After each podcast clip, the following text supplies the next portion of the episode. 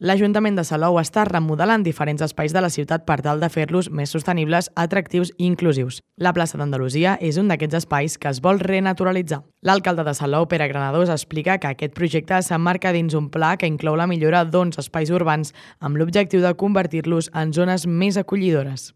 Estem creant carrers que eren de, de circulació de vehicles, els passem només per a vianants i les places, aquestes 11 places, el que fem és renaturalitzar-les perquè la gent pugui gaudir d'aquest espai eh, de la millor manera possible. I amb aquesta renaturalització en el que eh, incloem tot un seguit de natura, de vegetació, doncs fa que sigui un espai molt més amable i que sigui un espai on puguin gaudir encara millor del que feien fins ara. El disseny de la plaça incorpora la instal·lació de nous elements de descans amb vegetació integrada i l'eliminació d'una zona d'aparcament per potenciar les àrees verdes. A més, també es rehabilitarà la font central per reduir el consum d'aigua. Un dels trets distintius serà la conservació d'un ampli espai central per a la realització d'activitats comunitàries, per exemple, la tradició del cinema a la fresca durant els mesos d'estiu. També està prevista la millora de les zones de joc infantil i la futura instal·lació d'un quiosc.